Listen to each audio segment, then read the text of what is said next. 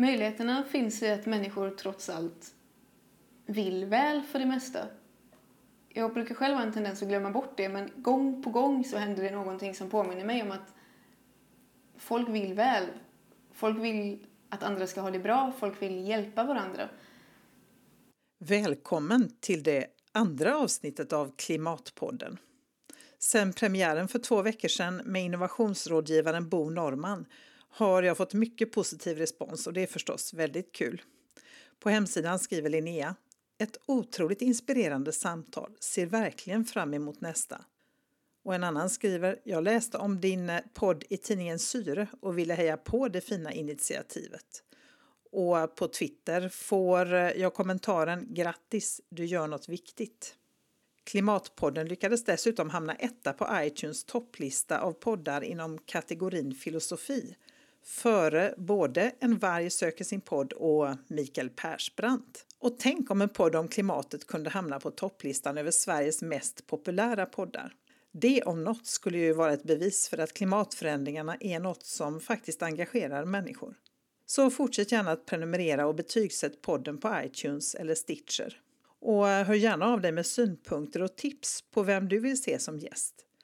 Eh, bland de kommande gästerna finns till exempel den före detta meteorologen Per Holmgren som nyligen blev natur och klimatspecialist på Länsförsäkringar. Maria Gran som forskar på förnybara drivmedel på Chalmers och nationalekonomen Thomas Sterner som forskar på hur man utformar styrmedel för att minska koldioxidutsläppen. Ja, jag har faktiskt en jättelång lista som bara blir längre med alla jag vill intervjua så kanske borde podden komma ut varje vecka istället för varannan. Men nu över till dagens gäst som är miljöaktivisten, miljöstudenten och musikern Nils Slättberg.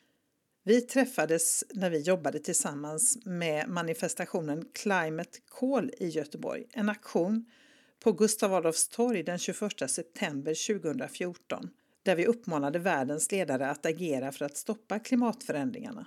Och samtidigt samlades människor över hela världen i den hittills största klimatdemonstrationen någonsin. Nils och jag träffades på mitt kontor och pratade om vems ansvar det egentligen är att stoppa klimatförändringarna. Och varför är det så svårt att få människor att gå från ord till handling och engagera sig i klimatfrågan? Och om att de flesta människor faktiskt vill väl, vilket trots allt ger Nils hopp om en bättre framtid där vi lyckas stoppa klimatförändringarna. Välkommen hit Nils! Tack! Berätta lite, vem, vem är du? Eh, jag heter Nils Slättberg, jag läser det naturvetenskapliga basåret vid Göteborgs universitet. Kommer sedan utbilda mig till miljövetare som planen ser ut nu. Uh, har börjat ägna mig mer och mer åt uh, ja, miljöfrågan på senare år och djuret och en del annat. Håller annars på mycket med musik och skriver en del. Hur, hur väcktes ditt intresse för miljön, miljöfrågorna? Jag tror det alltid har funnits där. Jag har alltid gillat eh, naturen mycket, var ute mycket i skogen som barn. Eh, tyckte mycket om djur av alla sorter. Så det, det har nog alltid funnits där på något plan. Och hur yttrar det sig nu idag? Ja, dels i personliga val. Jag äter till exempel främst veganskt, eh, handlar mest second hand. De, de små grejer man kan göra som konsument helt enkelt.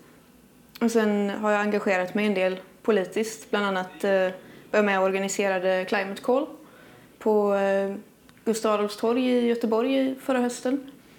Eh, och nu är jag med och samordnar Klimatsamling 2015 som ska försöka, eller vi ska, eh, blåsa nytt liv i klimatrörelsen helt enkelt. Få tillbaka det engagemanget som fanns innan eh, Köpenhamnsmötet. Och hur, eh, hur ska ni bära er åt för att få det? För det känns lite grann som, tycker jag, som att miljöfrågan har lite grann försvunnit från agendan. Ja, jag tror att den delvis är på väg upp igen. Man kan höra lite försiktigt positiva grejer inför både de stora mötena och även folk man träffar. Det känns som att det finns en större medvetenhet i alla fall, även om det naturligtvis fortfarande finns en uppgivenhet också. Um, Exakt vad vi kommer göra däremot är fortfarande på planeringsstadiet så om man vill vara med och engagera sig och komma fram till det så kan man kontakta oss och så kan man göra det. Klimatsamling 2015. Vad, vad är din drivkraft? Vad är det som gör att du liksom vill hålla på med de här frågorna? Vill och vill. Jag känner nog lite att jag måste om jag ska vara helt ärlig. Uh, varje gång man öppnar en dagstidning vill man kräkas och dö ungefär. Och, alltså, det finns väldigt mycket som borde vara väldigt mycket bättre och de flesta är överens om det. Det finns... Det är svårt att bara ignorera allting. Man mår bättre och man försöker göra det man kan. Spelar det någon roll? Ja, det spelar roll. För när man känner att man tar det ansvar som jag ändå anser att vi faktiskt har så, så växer man ju ändå med det ansvaret och kan hitta fram till andra människor och åstadkomma någonting större på sikt. Det är ju i alla fall mycket större chans att man lyckas uppnå någonting om man försöker än om man vägrar låta bli därför att det man kan göra känns så litet. Hur, hur, tänker du på det här med ansvar? För att eh, det är ju också så här, alltså, som enskild, vem, vem är det som har ansvaret för att lösa miljö klimatkrisen till exempel? Är det politikerna eller är det vi som enskilda människor? Eller? Alltså någonstans är det ju så att vi i väst har orsakat stora delar av problemen och också har de bästa förutsättningarna för att lösa dem. Och därför har vi ju ett större ansvar. Och det är klart att man politikerna borde göra mer men eftersom de inte gör det så hamnar ju det ansvaret någonstans på oss i alla fall. Vi kan ta det ansvaret och därför bör vi ta det ansvaret. Och gör vi det tycker du då? Nej. Och varför är det så? Varför är det så många som eh, ändå struntar i det? Man sitter där och ja, kör sin bil till jobbet eller vad man nu gör och tycker att det är ju ändå bara jag. Ja, alltså det är en fråga som har dryftats ganska mycket, delvis inom klimatrörelsen, just att varför är det så svårt att få folk att engagera sig? Vi har det här överhängande klimathotet och massa andra ekologiska hot och alla vet det här. Det är väldigt få som förnekar det. Forskningen är väldigt entydig. Varför bryr sig ingen? Eller ja, så få som ändå gör det.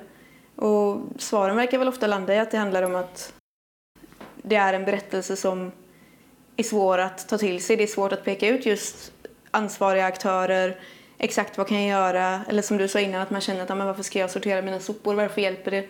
Det behövs kanske en, en tydligare story helt enkelt. Att det här är the bad guys och det här är vad vi behöver göra och det här är hur vi gör det. Och också att det har blivit så ja, barnsligt behandlat på global nivå. Det gör det ju någonstans den uppgivenheten. Sen får man inte glömma heller att det finns ju stark lobbyism och starka kommersiella intressen i, i till exempel eh, fossilindustrin som helt enkelt kortsiktigt tjänar på att inte ställa om eller åtminstone tror sig tjäna på det. Det behövs fler berättelser om det här med klimatfrågan på ett, alltså så att man förklarar det på ett begripligt sätt. För jag menar, det är inte, det, det har väl media fått bland annat kritik för att man faktiskt inte bevaka den här frågan speciellt mycket. När det är ett stort klimatmöte då blir det liksom lite pådrag men däremellan mm. är det, händer inte jättemycket. Nej, det är väl för att det inte händer mycket som det inte händer mycket så att säga. Man vill väl ha en stor bang, här händer det en grej, någonting som inte, oj, vi har klimatproblem idag också och vi gör fortfarande ingenting åt dem. Det är inte en särskilt säljande story. Um, men jag tror att det delvis också är miljörörelsens eget fel. På något sätt har vi misslyckats med att engagera andra än medelklass som tycker om att köpa ekologisk gurka. Det, jag kan ju märka själv också när jag hör mig själv eller ser på hur jag är att det är en otroligt homogen grupp. Och så man når de redan frälsta? Man når de redan frälsta och man kanske också är lite rädd för att sträcka sig utanför mm. den gruppen på sätt och vis. För det är, ju, det är ju tryggt med folk som tänker och tycker likadant som man själv gör. Jo, precis. Och umgås man bara med sådana som tycker som man själv så är det också lätt att leva i den bubblan och tänka men det här tycker väl alla. Det är väl inget konstigt. Absolut. Ja, så det är en eh, utmaning då. Men vad kan miljörörelsen göra då och sådana som du för att nå ut bredare och för att åstadkomma en förändring? Alltså, jag önskar att jag hade ett bra svar på det för då är det vad, vad jag skulle göra ja. ungefär just nu.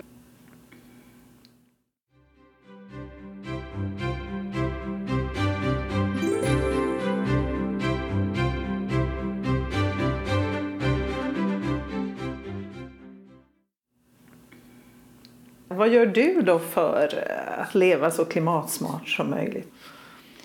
Ja, dels handlar det om att konsumera mindre och att det man ändå konsumerar att man tar hänsyn till hur det har producerats och så vidare.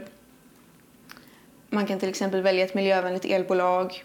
Man kan låta bli att flyga. Men det är också just de här grejerna som jag inbillar mig i alla fall att de flesta redan vet men de känns kanske lite futtiga. Helt enkelt. Och just med flygresor verkar det vara så att många kan leva väldigt klimatsmart sådär. Men just flygresor verkar vara en sån här grej som är otroligt svårt att få människor att avstå ifrån. Och jag känner själv, jag syndar, jag flyger inte jättemycket och jag tar ju tåget när jag kan. Det är inte så att jag flyger till Stockholm men jag menar det är ändå där, där verkar många ändå tycka att jag måste ändå få min... Tänk det är synd om oss i det här kalla mörka klimatet. Vi måste få åka liksom till solen och värmen och sådär.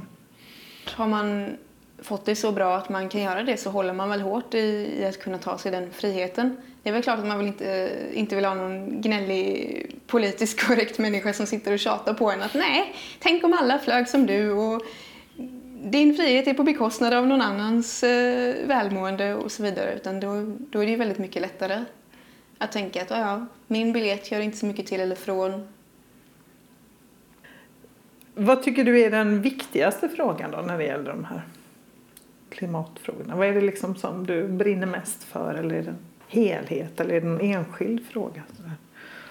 Egentligen när det gäller miljöfrågor överhuvudtaget så är det ju klimatfrågan som är mest akut. Det är ju det som vi inte kan strunta i eller skjuta på framtiden längre. Att vi, vi måste helt enkelt få ner utsläppen. Och det behövs ju globala avtal, det behövs eh, ambitiösare mål inom EU, det behövs att Sverige faktiskt börjar leva upp till sina egna mål. Som det ser ut nu så kommer vi missa det största, de allra flesta av dem. Alltså när du bland dina vänner och kanske bland de människor runt omkring dig eh, märker du att det finns en oro för klimatfrågan. Alltså när jag var barn då var ju alla rädda för ett kärnvapenkrig. Nu kommer snart eh, någon att trycka på den här, man hade någon bild av den här svarta lådan och så skulle någon trycka på den knappen och då skulle allting vara slutlärt. Det var det man var rädd för. Då, var inte, då bestod miljöhotet i att ja, det var skräp på gatan ungefär. Eh, och så gick man ut, det fanns något som hette Håll Sverige rent, det kanske finns fortfarande förresten. Eh, och eh, då gick man ut och plockade synligt skräp. Men Ja, men jag tror att problemet är att det inte riktigt finns någon svart låda nu och vi kan inte gå ut och plocka koldioxidpartiklar ur, eller molekyler ur atmosfären. Liksom. Det är betydligt mer abstrakt. Informationen finns och forskningen finns och folk förstår ju att det här är inte bra men det är inte konkret, det är inte tydligt, vi får inga snabba resultat nu som vi kan se att oj, titta vad bra det blev nu när jag gjorde så här. Och då är det helt enkelt mycket, mycket svårare att engagera sig i det. Sen är det också mycket som drar i oss. Alla verkar ha problem att få ihop sina liv som det är med stress och familj och karriär och att få alla bitar på plats helt enkelt. Det är svårt nog som det är. Mm. Sen kanske det också finns ja, en ren psykologisk försvarsmekanism att usch, nej, jobbigt, bort med det. Jag vill inte tänka på det, jag vill inte befatta mig. Jag kan skydda mig mot det genom att bara inte ta i det på något sätt. Mm. Leva här och nu. Mm. Mm. Sen tror jag att det också är så att många faktiskt gör en hel del. Folk har blivit mer medvetna, folk gör mer än vad man tror. Även om det är lätt att bli pessimistisk så tror jag att många faktiskt reflekterar över vad deras handlingar har för konsekvenser. Mm. Och att de där små besluten i vardagen faktiskt ändå har betydelse. Ja. Mm. Vad krävs för att vi ska lyckas vända det här då? Få en, eh, en mer positiv utveckling och, och stoppa det här klimathotet, tror du? Eh, ja, alltså någonstans måste vi ju sätta den pressen på politikerna som gör att vi får besluten på högre nivå som, som krävs och får de avtal som krävs. För någonstans handlar det ju om länders och storindustriers företag och så, eller utsläpp Ehm, och då behövs det mer än vad vi kan göra som enskilda individer. Det behövs att vi går samman. Det behövs global aktivism på en väldigt stor skala. Och kan vi då fortsätta leva som vi gör, tänker jag? Eller måste vi, liksom, hur ser du framtiden för att det krävs liksom väldigt drastiska förändringar? Och är, alltså, leder de till ett eh, sämre liv eller kan det till och med bli bättre? Eller, ja, hur tänker du dig? Alltså jag tänker att de flesta är ganska överens om att det inte är så himla bra nu. Inte ens i, i ett land som Sverige där vi har ett otroligt materiellt välstånd så, så verkar ju folk tycka att Åh, vi lever i det bästa väder och fint det är. Utan de flesta verkar tycka att det är ganska hemskt. Och inte bara när det kommer till klimatfrågor utan det sitter tiggare på gatan och det finns folk som inte har någonstans att bo och folk känner sig ganska främmande inför varandra och många verkar uppleva mycket ångest och alienation och liksom delar av det kommer väl liksom med paketet att vara människa men en del handlar ju också om hur vi organiserar våra samhällen och där behövs det en förändring av så många andra skäl. Så jag tänker att i bästa fall kan vi helt enkelt slå flera flugor i en smäll. Den förändring som vi måste göra Eh, ur ett klimatperspektiv, vi behöver göra den ändå. Vi mår inte bra i den här världen, vi vill inte ha den här världen, vi vill ha en bättre värld, nästan alla vill det. Sen är det såklart en utmaning att nå fram till den världen, men mänskligheten har lyckats med ganska avancerade utmaningar förr, så jag har nog goda förhoppningar. Och visst, vi kanske kommer behöva göra avkall på vissa saker. Vi kanske inte kommer kunna flyga till Thailand och allt det där. Och jag menar, det finns egentligen ett rättviseperspektiv i det också. Även om det inte gör så stor skillnad om jag kör bil till jobbet så skulle det göra stor skillnad om alla körde bil till jobbet och vad är det då som ger just mig den rätten att köra bil till jobbet och så vidare. Så visst, vi kan behöva göra avkall på en del saker men jag vet inte om det kommer vara någonting som gör oss olyckligare heller. Om man kollar på lyckoforskningen så följer ju liksom inte kurvan för lycka kurvan för ekonomiskt välstånd efter att man har kommit till en viss punkt. Nej. Jag tror man brukar säga ungefär den materiella nivån vi hade på 70-talet eller något sånt där. Där pikade vår lycka. Vi blev inte gladare med fler iPhones, tyvärr. Det hjälpte inte. Nej. Nej, men det verkar ju finnas någon sorts, vad ska man säga, nästan sådär självklart eh, antagande att eh, utveckling innebär ekonomisk tillväxt mm. på det sättet som vi ser nu. Alltså det är inte speciellt många politiker som driver någon annan linje. Eh, där att man liksom som helt bryter mot det, menar jag, samhället vi har nu. Men det är ju svårt också att se någonting utanför den lilla lådan som man själv befinner sig i. Mm. Så är det ju. Det är ju precis som en person som befinner sig i kris har ju väldigt svårt att se att innan mådde jag bra eller sen i framtiden kanske jag kommer må bra. Man blir ju väldigt eh, fast i där man är för tillfället. Både mm. som individ och antagligen som ett helt samhälle. Tyvärr är det ju lite av en politisk icke-fråga, i alla fall på högre nivå, att driva någon annan linje än tillväxt, tillväxt och kanske lite mer tillväxt. Mm. Um, jo. Men om man kollar på gräsrotsnivå igen så är det ju en fråga som ändå har kommit fram. Det finns eh, små, små minipartier som intresserar sig för det och så vidare. Så förhoppningsvis så håller det paradigmet på att uh, luckras upp. Mm. Att det inte blir så självklart. Nej. Jag tänker på vad heter hon, Naomi Klein är det väl, den här boken mm. hon har skrivit, This changes everything, som mm. handlar just om det där att det krävs ett helt annat samhälle ja. liksom, för att lösa det här. Vi kan inte fortsätta med den nuvarande formen och tro att vi ska lösa de här. Just för att problemet är så komplext och det är så och det är också det vi håller på med Globalt. nu som orsakar de här problemen. Mm, det är ju lite som att vi orsakar problem med ena handen och så försöker vi ja, dutta över det lite grann och lösa det värsta med den andra handen. Det, mm. det kommer ju inte hålla. Och om jag förstår det rätt så menar du också att det behöver ju inte nödvändigtvis bli ett sämre samhälle? Liksom, för nej, att man absolut inte. att då vi ska tillbaka till grottstadiet liksom? Ja, nej. Stenåldern? Jag, jag tror vi kan slippa stenåldern ifall vi istället för att bara låta krisen komma fallande rakt i huvudet på oss faktiskt försöker anpassa oss och göra någonting nu. Mm. Helt enkelt om vi lyckas möta det här på ett uh, vettigt sätt. Mm. Vilket ju faktiskt trots allt enligt klimatforskarna fortfarande finns tid att göra ifall vi verkligen agerar nu. Men vi har inte jättemycket tid på oss, eller hur? Nej. Det gäller ju liksom att... Det kommer ju också bli svårare och svårare och svårare ju mer vi väntar. Mm. Så som det brukar vara när man prokrastinerar saker. Sen är det klart att det handlar inte om absoluta termer. Det kanske också är en sak som gör det svårt för folk att engagera sig. Att man tänker att vadå, det tåget har väl gått. Vi, vi gjorde ju inte det vi skulle göra när folk började säga vi måste göra det nu, vi måste göra det nu och så vidare. Men ja, det kanske inte kan bli perfekt. Det kanske är för sent att uh, bromsa alla effekter, eller det är det ju, men det betyder inte att det är för sent att göra någonting. Det, det finns ju grader ändå.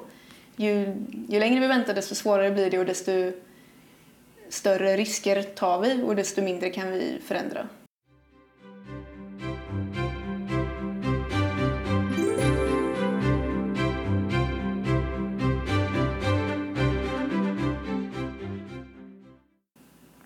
Skulle du säga att du är pessimist eller optimist när det gäller klimatfrågan? Det beror helt på vilken dag du frågar mig på. Jag kan nog tendera att vara ganska pessimistisk när det gäller det mesta. Men eh, när jag träffar människor och pratar om klimatfrågor och även andra saker med andra människor så inser jag att de här dumma och onda människorna som jag tänker mig, de, de verkar liksom inte riktigt finnas. Jag bara fortsätter träffa folk som jag tror ska vara de dumma och onda, men de är liksom aldrig det. Så det finns nog eh, större anledning till optimism än vad det ibland känns som. Mm. Det kommer ta tid, det kommer inte vara helt smärtfritt, men så är det med förändring, alltid. Jag tror det är väldigt lätt att underskatta vad vi kan göra på lång sikt och överskatta kanske vad vi kan göra på kort sikt. Mm. Vilket är ett problem nu när vi inte har speciellt lång tid på oss naturligtvis. Men eh, ja, det växlar. Optimismen och pessimismen, det Ja, och vore du helt pessimist så antar jag då skulle du inte orka engagera dig. Man måste ju ändå ha någon sorts hopp antar jag för att liksom ja. orka jobba med frågan. Om ångest kan vara en eh, initial drivkraft så behöver man lite input av hopp ibland också emellanåt för att liksom hålla, hålla det flytande så att säga. Mm. Hur skulle du säga i din, eh, den unga generationen, när skulle du säga att engagemanget eh, är stort där eller hur, hur ser det ut?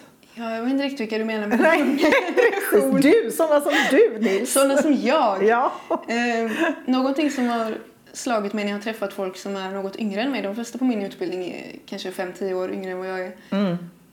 Och det är att det verkar finnas någon slags självklarhet i vissa frågor som jag upplevde som mer alternativa när jag gick på gymnasiet och, och i 20-årsåldern. Man fick liksom förklara att jo, men feminism behövs därför att och jo, men klimatfrågan är viktig därför att och så vidare. Men på det i och för sig otroligt snäva urvalet av människor som går i min klass då så känns det som att okej, okay, folk i 20-årsåldern idag tycker att det är ganska självklart att bry sig om klimatet på något sorts plan. De, de inser problemet i alla fall oavsett om de är engagerade eller inte. Sen vet inte jag alls om det är representativt för alla i den åldersgruppen. Men eh, överlag är det väl så att unga människor bryr sig mer om klimatet. Mm. Det är ju kanske vi som kommer få leva med skiten också mer än de som är i pensionsåldern nu. Just det. Å andra sidan borde ju då de som är lite äldre bry sig om sina barn och barnbarn kan ja. man ju tycka. Vilket nog många gör också. Jo. Men det är ändå ett växande engagemang kanske man kan anta. Ja, jag vill mm. tro det i alla fall. Mm. Och det här Climate Call som du pratade om, eh, den här stora manifestationen som ju var en global manifestation. Där var det ju, jag tror den största manifestationen någonsin i New York till exempel. Yep. Alltså överhuvudtaget, inte bara när det gäller miljöfrågor. Så att det är ju många som oroar sig kan man ju säga och vill engagera sig. Men jag tänker om man nu sitter hemma och lyssnar på detta och tänker, men vad ska jag göra? Alltså man vill engagera sig, man är orolig och man vill engagera sig. Vad ska man göra med sin oro och sitt engagemang, tycker du? En sak som man kan göra är att googla miljöorganisationer i staden där man bor. Och sen kan man kontakta dem och säga hej, vad, vad gör ni? Hur kan jag hjälpa till? Och så kan man välja någonting som verkar intressant för en att jobba med. Vad gör ni i Klimatsamling 2015 just nu då? Vi håller på att planera, det är väldigt mycket i planeringsstadiet. Det finns en hel del grandiosa idéer om både aktioner och småsaker, och, eller ja, mindre aktioner och samarbeten. Men det är inte så mycket spikat ännu. Men eh, det kommer bli grymt. Och när kommer det att äga rum så att säga? När, under liksom, hela året. Under hela året? Under ja. hela året. Det kommer finnas, det kommer vara lite av en, eh, vad ska man kalla det, plattform för aktiviteter eller liksom ja, en slags samlande forum för aktiviteter. Och, och syftet, vad är målet så att säga? Vad vill ni uppnå? Ja, alltså vi vill stoppa klimatförändringarna. Helt enkelt. um, och ja, få upp frågan på dagordningen och väcka medvetenhet och engagera människor. Samtidigt känns det ju som att direkt när det är en ekonomisk kris eller det kommer någonting annat så blir det det som är på agendan. Nu, nu är det det som är det viktiga. Jag vet någon gång jag skrev på Facebook om klimatfrågan och då var det någon som till och med kommenterade sådär. Ja, ja, men herregud, nu har vi ett större problem. Nu har eh, SD 14 procent. Och, eh, och det är precis som att det får bara plats en fråga eh, i taget. Och, att, och för mig är den klimatfrågan är ju den övergripande. För har vi inte, alltså löser vi inte den så spelar det andra liksom ingen roll. Nej. Sen är det ju så att det är väldigt konstigt att behandla frågorna separat också egentligen. Eh, kriser kommer ju fortsätta komma i det här samhället. Det här samhället gör det ju och skapar ju de här kriserna. Eh, till exempel resursbrist såsom vattenbrist. Det kommer ju leda till konflikter. Det kommer leda till att folk inte har någonstans att vara och SD kommer få långt mer än 14 procent för att det är den typen av saker som gynnas helt enkelt när man har kriser, när man har problem, när alla får panik och börjar bete sig konstigt. Vad, vad ger dig hopp då i den här frågan? Var finns möjligheterna? Möjligheterna finns i att människor trots allt vill väl för det mesta. Jag brukar själv ha en tendens att glömma bort det men gång på gång så händer det någonting som påminner mig om att folk vill väl. Folk vill att andra ska ha det bra, folk vill hjälpa varandra. Och därmed har ju alla någon slags drivkraft att lösa det här. Mm. Det, det tycker jag är hoppfullt. Sen är det också hoppfullt att se alla initiativ som spirar överallt med till exempel omställningsrörelsen och studieförbunden har mycket kurser med hållbarhetsfokus och så vidare. Att, eh, att folk blir mer medvetna och bryr sig mer. Mm. Sen finns det ju många som är, vad, ska man, vad kallar man dem för, framstegsoptimister. Nej, men att man, man sätter sitt Eh, sin tilltro till nya tekniska lösningar. De ska mm. lösa allting. Alltså, vi får nya bra flygplan som går på solkraft. Nej, vad vet jag. Nej, men som gör att vi kan fortsätta leva vårt liv som vi gör. Liksom. Att det på något sätt, ja men det här löser ingenjörerna ungefär. Vad, mm. vad tänker du om det? Jag tänker att det är ju alltid bekvämt att hoppas att någon annan ska lösa problemen som man själv skapar. Och vi har ju alla någon slags inre motstånd mot förändring också. Så är det ju. Det är ju jobbigt att ändra på sig. Det är ju jobbigt att tänka i nya banor, att ändra gamla vanor och så vidare. Um, sen tror jag i och för sig att teknikutvecklingen är en viktig del men den, ibland läggs det väldigt, väldigt stort fokus på den. Uh, och den verkar ibland ses som någon slags substitut för att vi skulle behöva förändra någonting. Men då kommer vi tillbaka till det här med att vi, vi måste ju ändå förändra det här samhället. Det är ju ingen som är nöjd med det i alla fall. Så ja, jag skulle nog inte sätta mitt hopp till ingenjörerna. Inte så att vi ska satsa alla våra kort på dem. Du utbildar dig då till miljövetare.